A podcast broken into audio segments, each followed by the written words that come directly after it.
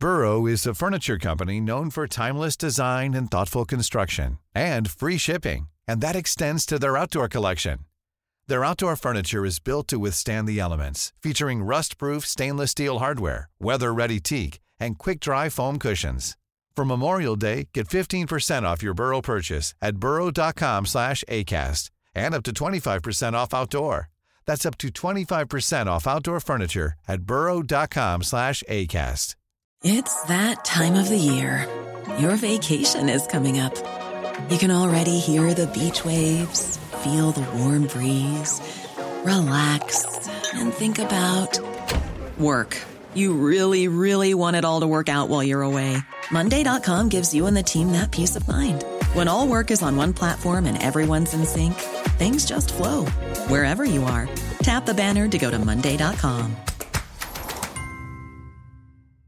Hey, it's Ryan Reynolds, and I'm here with Keith, co star of my upcoming film, If, only in theaters, May 17th. Do you want to tell people the big news?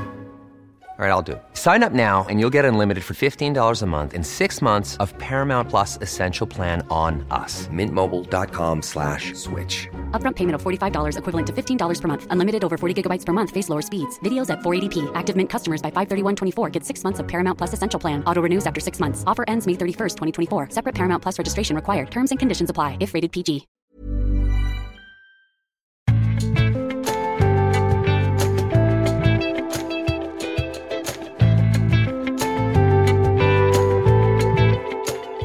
Denne ukens episode av Tore og Tarjei blir spilt inn på Landås i Bergen, i Legdesvingen nærmere bestemt. Nydelig utsikt. Ingen steder er jo så flott som her når solen skinner, men jeg skal ikke si mer om det for våre lyttere som er andre steder og i andre værforhold akkurat nå. Men eh, vi er altså på sommerfest hos de ansatte i organisasjonen Åpne dører. Den skulle være godt kjent for dagens lesere, for sitt arbeid blant og for forfulgte kristne. Grunnen til at jeg er her, det er altså at skal vi si mister åpne dører i Norge.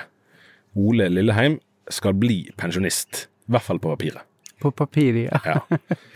Det er en glede å sitte her med deg, Ole. Du begynte i Åpne dører i 1983. 40 ja, år siden. Ja, Det var da vi starta Åpne dører, men det hadde begynt før. Nettopp. Så jeg eh, kom i kontakt med Åpne dører allerede i 1974, da jeg traff broder Nesten Andreas første før. gang. Ja, For da var han på norgesbesøk sammen med to andre misjonsledere. ja, det stemmer det. Og Det satt varige spor hos deg. Ja, det satt varige spor. Det var Lån Cunningham fra Ungdom i oppdrag og, og David Wang og broder Andreas som kom for å utfordre norsk ungdom for å bety en forskjell på verdensevangeliseringa. Nettopp. Og en av oppgavene dine har vært å smugle bibler inn i områder der Bibelen var en forbudt bok. Mm. Hvor mange ganger har du vært redd på jobb? Noen ganger har jeg vært redd, men eh, det, det er ikke de fleste ganger. Men jeg har en spesiell episode der jeg eh, satt inn i Ungarn og hadde, skulle lede et team på tre biler. Jeg eh, hadde avtalt en plass sånn at vi skulle treffes eh, før Balatonsjøen. Eh, Der skulle vi treffes, og så skulle vi eh, treffes eh, etterpå. Vi skulle avtale da. Men det var bare problemet det at den eh, plassen jeg hadde avtalt, det var jo nærmest den største militærleiren i, i, i Ungarn. Eh, Og jeg satt der sammen med kone og hadde ei lita jente på den tida der, og vi så sporlysa bak oss. Det var jo veldig interessant å se. Det de var skaut eh, bare noen hundre meter bak oss. Bare hjelp oss litt til å forstå Ungarn den gangen. Det er ikke det samme som Ungarn i dag. Nei, Ungarn var jo en del av det gamle jernteppet, og det måtte smugles inn. og eh, Biblene, Vi kunne ikke ta det inn, eh, men vi eh, kjørte inn tre biler da, på forskjellige grenseporter. Men jeg ble jo det banka på, Jeg satt i bilen, og så banka det plutselig på ruta. Og så ble døra revet opp, og da så jeg rett inn en pistolmunning. Oi. Men jeg ble jo redd med en gang, men jeg ble litt lettere når jeg så det var politi bak. Ja, riktig. Men jeg forsto jo det at han sa 'pass', sa han. Og så måtte jeg gi passet mitt og kona si, og så kjørte de. Og da måtte vi følge etter. Ja. Eh, Det var en sånn eh, veldig ja, hva skal jeg si, skremmende erfaring. Og jeg sa til Berit nå må du be, Berit, fordi at her skal jeg prøve å fortelle sannheten så langt som mulig. For hvis du begynner å lyge, hadde vi lært, da kommer du ut og kjører. Men det gikk jo bra, fordi at eh, vi kom på politistasjonen, og så ble jeg kalt inn på politisjefen, og så sa han 'hva gjorde du der'? Og jeg sa nei, vi er nå tre biler fra Norge som er på tur, og vi skulle treffes der, og, og, og derfor satt vi der. og så begynte han å le. Er ikke du klar over at du satt nærmest den største militærleiren i, i, i, i Ungarn? Nei, sa jeg. Ja, men tror du ikke fotografering forbudt-skiltet, jo, da? Jo, jeg så det, men jeg har ikke tatt et bilde, sa jeg. Nei. Ja, men sa han, når du ser et sånt skilt, så må du bare kjøre fire-fem mil før du stopper, fordi at da vil vi ikke ha deg i nærheten der. Og han lo da, og, og jeg slapp unna, men det var vel den gangen jeg var mest redd. da. Når var dette? Det var i 1981. Akkurat. Eh, Jeg spurte hvor mange ganger du har vært redd. Vi kan stille et lignende spørsmål. Hvor mange ganger har du vært i fare? Ikke så mye, egentlig, fordi at det, vi var ikke vi, vi, eh, vi, Hva skal jeg si Vi risikerte ikke så mye, vi som reiste inn, for hvis vi ble tatt I verste fall så kunne bilen bli ødelagt fra innsida, eller bli konfiskert, og så ble vi, fikk de spørsmål om eh, hvor, hvor vi skulle hen og sånt. Det sa jo vi aldri. Eh, Men vi ble alltid sendt ut igjen. Men de som tok imot biblene, de risikerte mye. Ja. Eh, og det var jo derfor vi alle fikk, lov, fikk alle lov å fortelle hvor vi hadde vært. Mm. familien min, eh, det gikk jo flere år før de oppdaga at vi bodde i Østerrike og at vi drev og smugla bibler. Eh, og noen ble jo skuffa. Hvorfor fortalte dere ikke dette før? Men på den tida var det veldig hemmelig, da. Mm. Hvordan var den gangen eh, Du nevnte det med risiko. Noen hadde kanskje større risiko enn dere, men likevel. Eh, hvis man skulle gjort det her i dag, hvordan vil, tenker du på risikovurderingen både for deg og for kone og barn den gangen?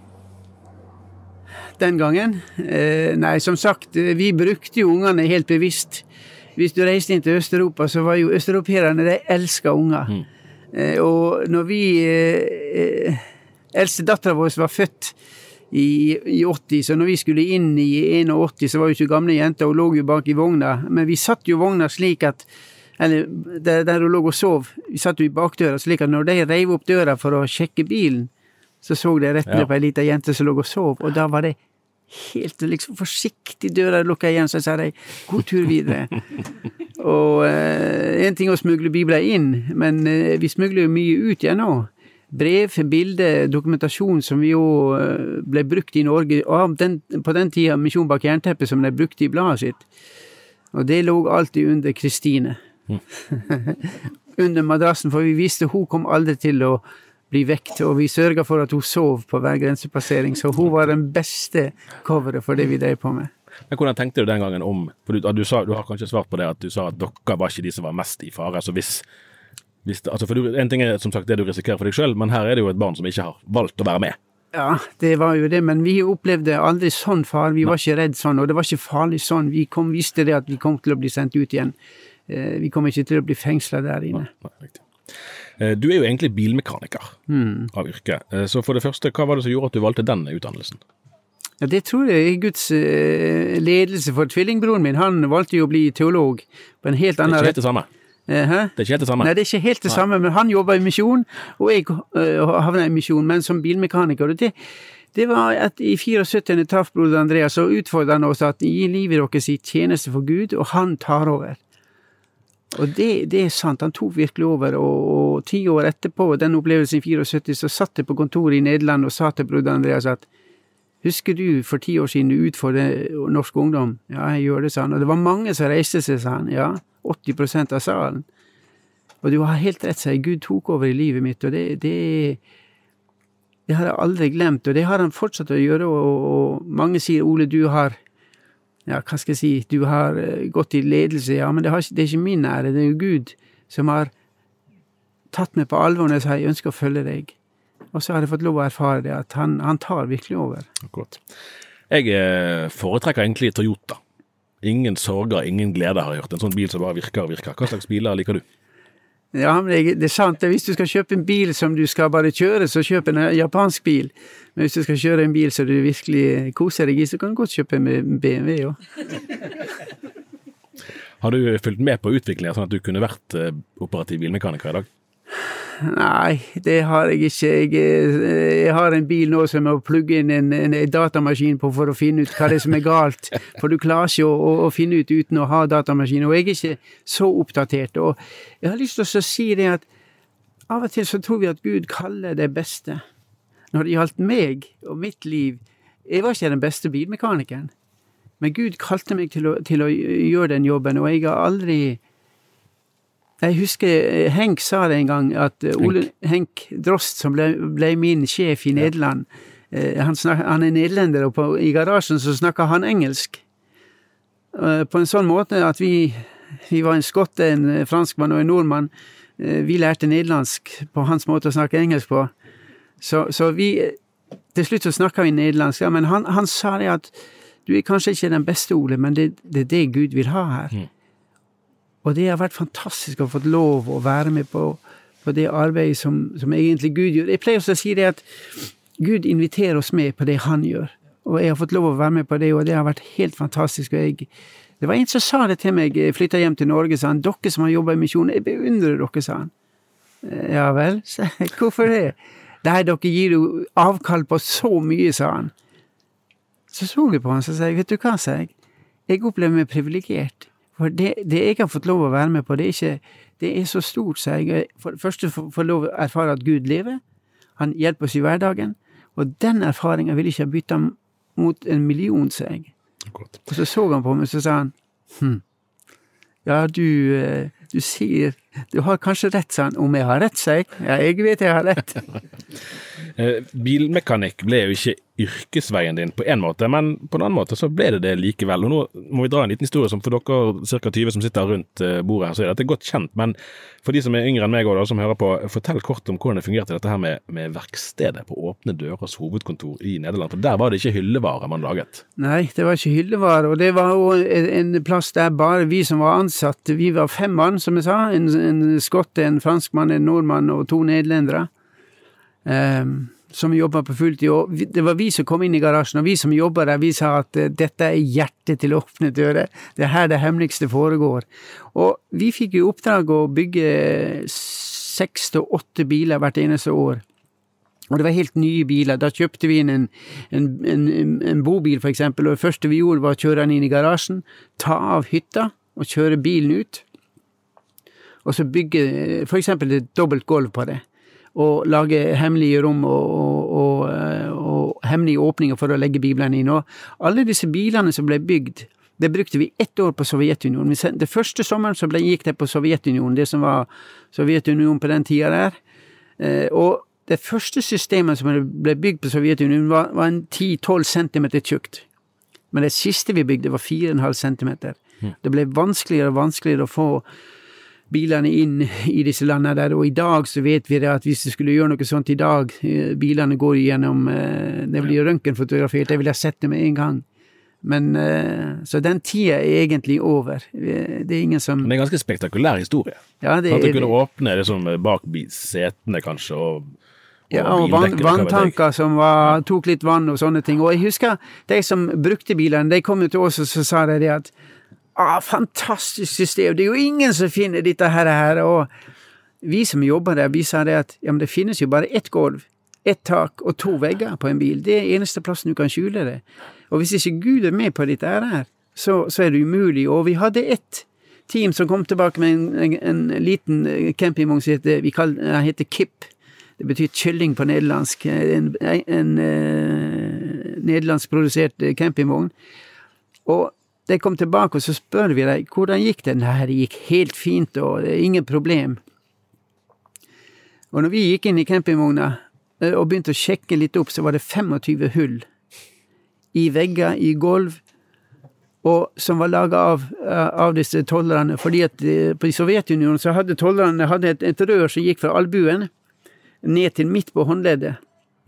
Var festa med reimer rundt, og det var sylskarpt. at når de kom gående ut og holdt hendene ned, så så ikke du det. Men når de gikk inn i campingvogna, mm. så vippa de hånda ut, og så var det jo røret, og så trykte de det gjennom.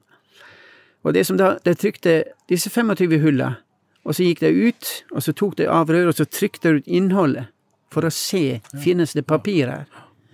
Men det som vi måtte smile, og det som vi takka Gud for, var at alle disse hullene var trykt på alle plassene der ikke biblene var. Og for oss som viser at hvis ikke Gud er med på dette, her, så hjelper det ikke. Var du sjøl med og møtte noen av de som fikk ta imot Bibelen i andre enden? Ja, jeg har vært med på mange turer sånn. For det må jo være noen ansiktsuttrykk der som du kanskje husker? Ja, og spesielt eh, folk som, som når, når jeg tar en bibel og kysser den Første gangen jeg så det, så tenkte jeg at du overdriver nå litt. Men jeg var så glad for å få en bibel. Og du forstå, du forstår det egentlig ikke. Jeg har vært med å levere bibler i Latin-Amerika. jeg tok en taxi, og, og, vi skulle være i det landet sammen med en god venn og også finne ut er det et bibelbehov fortsatt i det landet. Og første taxien vi tar, så Jeg kan ikke spansk, men han er reist sammen med, han kan spansk. Og så syns jeg jeg hørte halleluja. og så sier jeg til han, ta, ta spør han, er han kristen? Så spør han, er du kristen? Ja ja, han var kristen. Så sa vi, ja men hvorfor er ikke du på gudstjeneste nå, for klokka er elleve? Mm. Så sa han jeg er taxisjåfør og jeg må kjøre på søndagen, så jeg kan ikke gå på gudstjeneste nå, men jeg skal gå senere i dag. Så sa jeg, spør han om han har en bibel, sa jeg. Han var 60 år da han var her. Så spør vi, har, du, har dere bibel i kirka, sa han. Ja, vi har bibler i kirka. Ja, men du da? Nei, jeg har ikke. Jeg, kan låne Bibelen mens jeg sitter i kirka og sitter og leser, men jeg får ikke lov å ta den ut av kirka. Og så tok jeg ut en, en, en pakke ut av ryggsekken min, og så det var pakka inn, og så heiv jeg på for, for hans. Og så sier han, hva er dette? Så sier jeg, det er en bibel, sa jeg. Og da, jeg hørte ett halleluja før, men det kom jo flere halleluja. Så sier han, det er den første bibelen som er min. Og han var 60 år. Det er første gangen jeg har fått lov å eie min egen bibel. og det landet, det, det å få lov å se og få lov å gi det, men samtidig få lov å se at jeg sa til, kameraten min vi kan bare snu og reise hjem igjen. De trenger bibler, sa jeg. Mm. Så det er jo et land som virkelig trenger bibler. ja. Vi snakket om at du var, før du begynte å jobbe i Åpne dører, var med i det som het Misjon bak jernteppet. Mm. Og da er vi tilbake i en tid der Europa var delt, der deler av kontinentet var mer eller mindre stengt for evangeliet. Mm. Eh, og så begynner det å bli ganske lenge siden der. Ja. Eh, hvordan opplever du åpenheten for evangeliet i vår tid sammenlignet med da du begynte din tjeneste?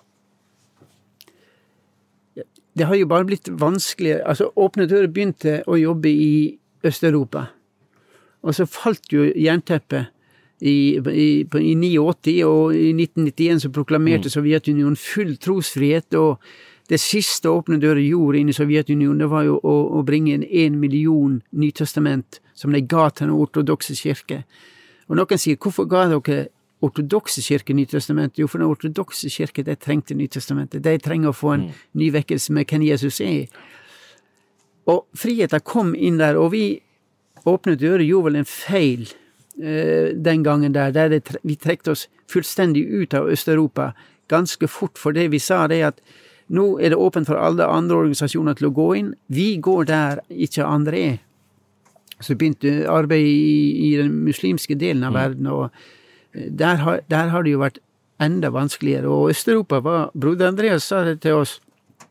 Det har bare vært treningsleiren til oss, det som skjedde i Øst-Europa, for å forberede oss på mm. det vi skulle gjøre både i Kina og, og, og, og Midtøsten, som vi jobber med nå. Ja, for, for, første gang eh, jeg møtte Åpne dører personlig, det var deg faktisk. Mm. Eh, jeg tror det var på et ungdomsmøte, mulig det var ungdomsskolen, eh, midt i 90-årene.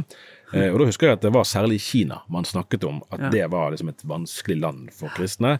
Nå ligger Kina på 16.-plass på mm. Åpne dørers liste over land der forfølgelsen av kristne er sterk. Eh, men er det, det at de da er på 16. og ikke første- eller andreplass, er det et tegn på at forholdene der har bedret seg, eller har de bare blitt verre andre steder? Nei, Kina har vært sånn at det ble mye, en stor, stor forandring etter Jeg vil si at det var en enorm vekkelse på 80-tallet. Eh, da Åpne dører leverte en million bibler i 1981, 18.6.1981. Så var det jo Det starta start en enorm vekkelse, eller det fortsatte en enorm vekkelse der. Og så ble det bare enklere og enklere. Eh, opp til eh, Bare for noen 10-15 år, år siden ble det åpna seg mer og mer. Men det vi ser nå, er jo det at det stenges mer og mer ned. Mm. Og eh, det som en gang var husmenigheter, ble jo store menigheter med 2000 medlemmer. Og det vi ser nå, er at kirka mer og mer går under jorda igjen. Sånn at Kina blir vanskelig. Eh, de stenger mer og mer igjen. Mm. Og, og, men det kineserne de var jo redd for at det skulle bli altfor åpent. De sa at la det fortsatt være, slik at det er litt passelig forfølgelse, slik at vi blir avhengig av Jesus de var livredd materialismen. For de visste at da vil vi glemme Jesus. Mm. Og så er det jo et, et faktum at, at, Kina er vel sannsynligvis verdensledende i digital mm. eh, overvåkning. Hvordan, hvordan, vurderer du den, den faren, eller den begrensningen, sammenlignet med det du møtte, som var en mer sånn tydelig militær eh, politisk eh, hindring? Ja, nå, nå, er det jo slik at, eh, at, det blir jo påkrevd av, av studenter. Hvis de ikke fornekter troa di, så får de ikke lov å fullføre studiet. Eh, Lærer, kristne lærere og får beskjed om at uh, hvis ikke du fornekter eller avslutter det arbeidet der, så kommer du til å miste jobben. og Det blir jo vanskeligere og vanskeligere. Og dette her med, med eh, en overvåkning òg. Eh, vi har jo dette her med at eh, der er vel rundt en 70 million kamera der inne. Eh, og når du er ute på tur, så ser du Jeg pleier å si til teamene mine når jeg reiser, ta, titt opp til høyre nå, så kan dere se en syv-åtte kamera. Og det er jo slik at hvis jeg reiser inn til Kina i dag eh, Jeg har vært inn på konsulatet i Oslo. De har tatt ti fingeravtrykk. De har tatt egne bilder. Og hvis de vil finne hvor Ole Lilleheim er henne i Kina, så kan de gjøre det ved å se på kameraene sine. Sånn at de har en enorm kontroll. Men midt oppi dette her, så skal vi ikke glemme at Gud òg har kontroll. Gud òg Det er ikke umulig for Gud å la Guds rike gå frem i Kina. Og det, og, og det går frem. Det vokser frem. Det gjør det. Ifølge den nevnte World Watch List, blir det kalt for, altså Åpne dørers tall, så lever eh, 360 millioner kristne under høy grad av forfølgelse for sin tro. Eh, hvordan har det vært for deg over så lang tid å, eh, og, å, å kunnskap da, om, om både om Nord-Korea som topper listen, og, og mange land eh, der man nesten ikke kan snakke engang om, om hvordan tingene er? Og så samtidig lever du i en norsk virkelighet, der, eh, der vi snakker om Den norske kirkes medlemstall synker, det er færre som blir konfirmert osv., færre som gifter seg i kirken. Og nordmenn har et ganske forskjellig forhold til sin tro, hvis det finnes en tro, enn det du møter i Kina og andre steder der troen koster mye mer. Hvordan, hvordan blir forholdet ditt til ditt, ditt hjemland, da, eh, sammenlignet med dette? Vet du, når du spør sånn, så, så tenker jeg litt sånn, sånn som vi tenkte før. Tanken før var det at de forfulgte kristne, de, de trenger vår hjelp. Og det gjorde de. De, de trenger vår hjelp, de trenger vår forbønn, og at vi oppmuntrer og, og er sammen med dem. Men det jeg ser aldri før i historien, har vi i den frie verden, vi her i Norge, trengt vitnesbyrdet deres slik som nå. Eh, og alle, folk som har hørt meg tale, har hørt den historien. Jeg sier nå at jeg var i Asjut i, i begynnelsen av 2000 og traff en, en, en liten, liten mann, en pastor. Du må si hvor det er. Asjut er midt i, i Egypt. I, i, på vei ned, ned mot Luxor fra Kairo. Eh, han Jeg satt og snakka med han, og så sa jeg det at i Norge har vi ca. 15 000 mennesker som vet om dere, som vi vet at mange av dem ber for dere. Og Så satt den der lille mannen der, så så han på, så smilte han, så sa han 'så flott', han, sa han. Ja, ikke sant, sa jeg. Ja, så kan du hilse tilbake, sa han, at vi ber for dere òg. Og så sier han, og dere i den frie verden trenger vår forbønn mye mer enn vi trenger deres. Så sier jeg, hvorfor sier du det? Jo, fordi at vår forfølgelse bringer oss nærmere Gud. Vi blir mer avhengige av hans, mens deres frihet fører dere vekk ifra Gud. Og jeg sa det til han, du må ikke slutte å be, sa han. Nei, vi, du må be for meg, og vi må be, for vi er samme familie, sa han. Vi hører sammen. Så jeg ser mer og mer at jo, jo, jo lenger vi kommer i, i tida, så ser jeg at vi trenger nå deres vitnesbyrd. Og det å kunne si til deg at deres forfølgelse er med å vekke oss i Norge, det er til oppmuntring for deg òg. Har du merket noen utvikling der i disse eh, 40 årene, vel så det, når det gjelder Altså for, for det er jo klart at forholdene er, er veldig forskjellige. Eh, I Norge kan man jo tillate seg å være likegyldig, altså sånn umiddelbart. At det er ingen som truer eh, sånn, eh, kirkene her med, med lov og, eller med, med soldater. Eh, man kan tenke at dette, Litt sånn som med, med demokratiet, at man, man kan ta det for gitt. At det er noe her, og det blir vel alltid sånn. Og så er det ikke sånn at det du har eh, i dag, har du òg i morgen. Nei, og du har i Åpne dører så har vi, når vi skal gå inn i et land og, og, og, og hjelpe de kristne som er forfulgt, så må vi jo finne ut hva slags motor, hva slags forfølgelsesmotor det er som driver i det landet. Så vi har eh, kommet frem til åtte forskjellige motorer som, som, som eh, vi definerer, og det kan være islamske forfølgelser, eller det kan være religiøs eh, nasjonal, eh, nasjonalisme og sånt. Men så, det er én motor som vi kaller sekulær intoleranse. Og når jeg las definisjonen på sekulær intoleranse, så tenkte jeg at dette er en motor som gjelder oss i den frie verden. For sekulær intoleranse prøver å fjerne troa fra det offentlige rom, og om mulig fra folks hjerter. Jeg hørte en politiker en gang som sa det at jeg er en kristen, men min kristen tro påvirker ikke min politikk. Og det, når han sa det, så tenkte jeg dette passer helt presis inn i det som kalles sekulær intoleranse. Du kan være en kristen, men hold det for deg sjøl. Og det, det passer oss farlig, dårlig, farlig godt, eh, oss kristne i Norge, der jeg sier du kan godt være kristen, Ole, men hold det, bare hold munnen om det. Akkurat. Og det passer meg litt for godt. Ja, men det er sant. Vi, Ja, det er det, det ja, vi, vi behøver ikke si så mye, for da får ikke vi problem. Mm. Når man jobber med noe som er så alvorlig som, som det Åpne dører eh, jobber med, eh, og der utviklingen mange steder går fra vondt til verre, eh, får du behov for å eh, Altså, hvordan holder du humøret oppe? Ja, jeg pleier også å si det. Eh, noen tror at vi, vi blir veldig deprimerte i Åpne dører, fordi at vi hører og vi ser så mye vanskelig. Og jeg husker jeg kom et eh, ungdom i oppdrag-team hjem til oss i Nederland, og vi bodde der og, og, og for å få litt avlastning fra å være inne i, inne i Amsterdam. De bodde hos oss et par dager, og når de skulle reise videre, så sier hun ene jeg tror vi må be for dere, for dere må ha det forferdelig, sa hun. Så sier jeg, hvorfor sier du det? Ja, dere ser jo så mye, og dere hører så mye, dere må være veldig deprimert. Og jeg sier at, ja, men vi er ikke det. For da har ei annen side, seg. Hvorfor er det forfølgelse? Jo, fordi Guds rike blir forkynt på en klar måte, sier og Guds rike går frem, og det er jo det vi ser. Så forfølgelsen er et resultat av en sunn forkynnelse, og der Guds rike går frem, blir ikke deprimert på grunn av det, sier han. Ikke bare det, men forfølgelse. Jesus har sagt hadde forfulgt meg, så kommer de til å forfølge dere. Og eh, Paulus sier også til Timoteus at eh, alle som vil leve et gudfryktig liv i Kristus Jesus, kommer til å bli forfulgt. Eh, Og broder Andreas han møtte jo det verset i 1974. han. Og da fikk han et spørsmål av en rumensk pastor som han underviste i, i Ungarn. For de hadde et sånt kurs i Ungarn.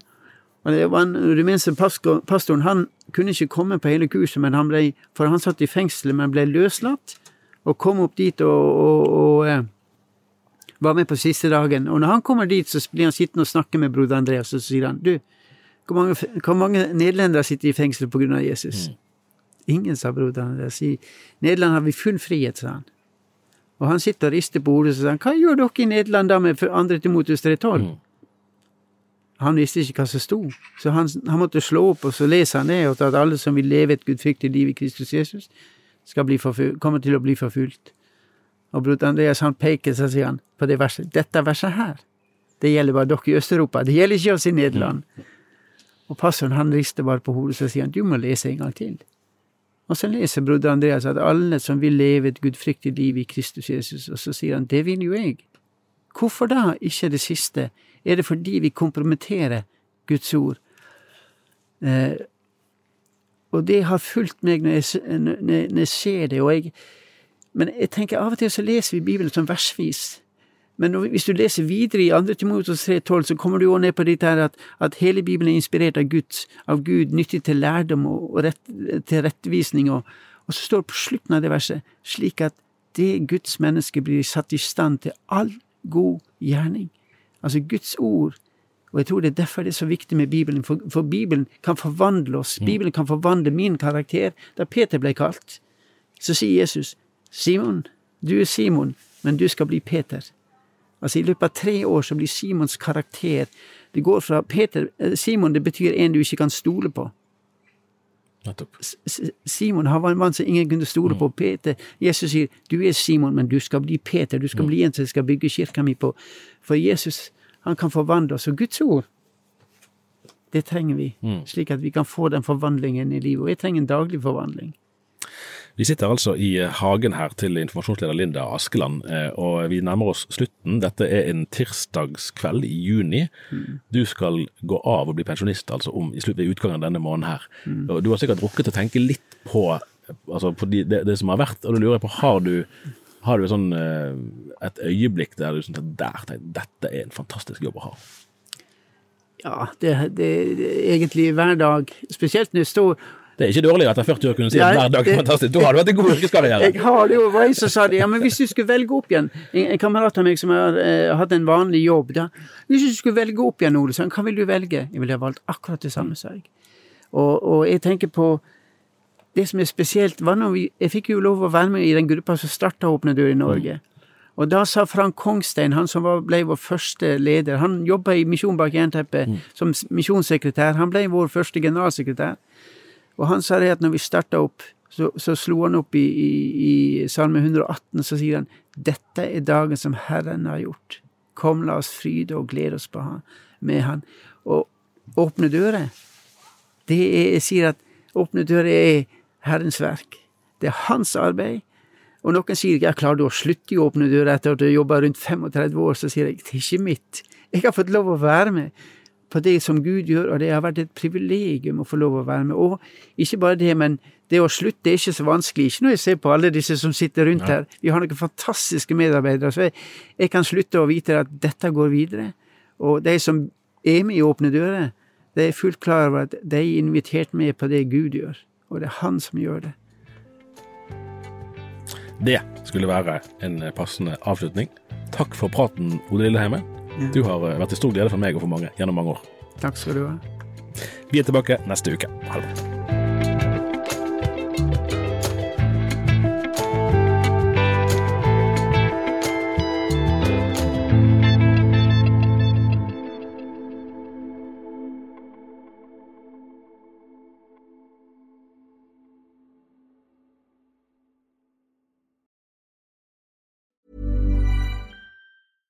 Even when we're on a budget, we still deserve nice things.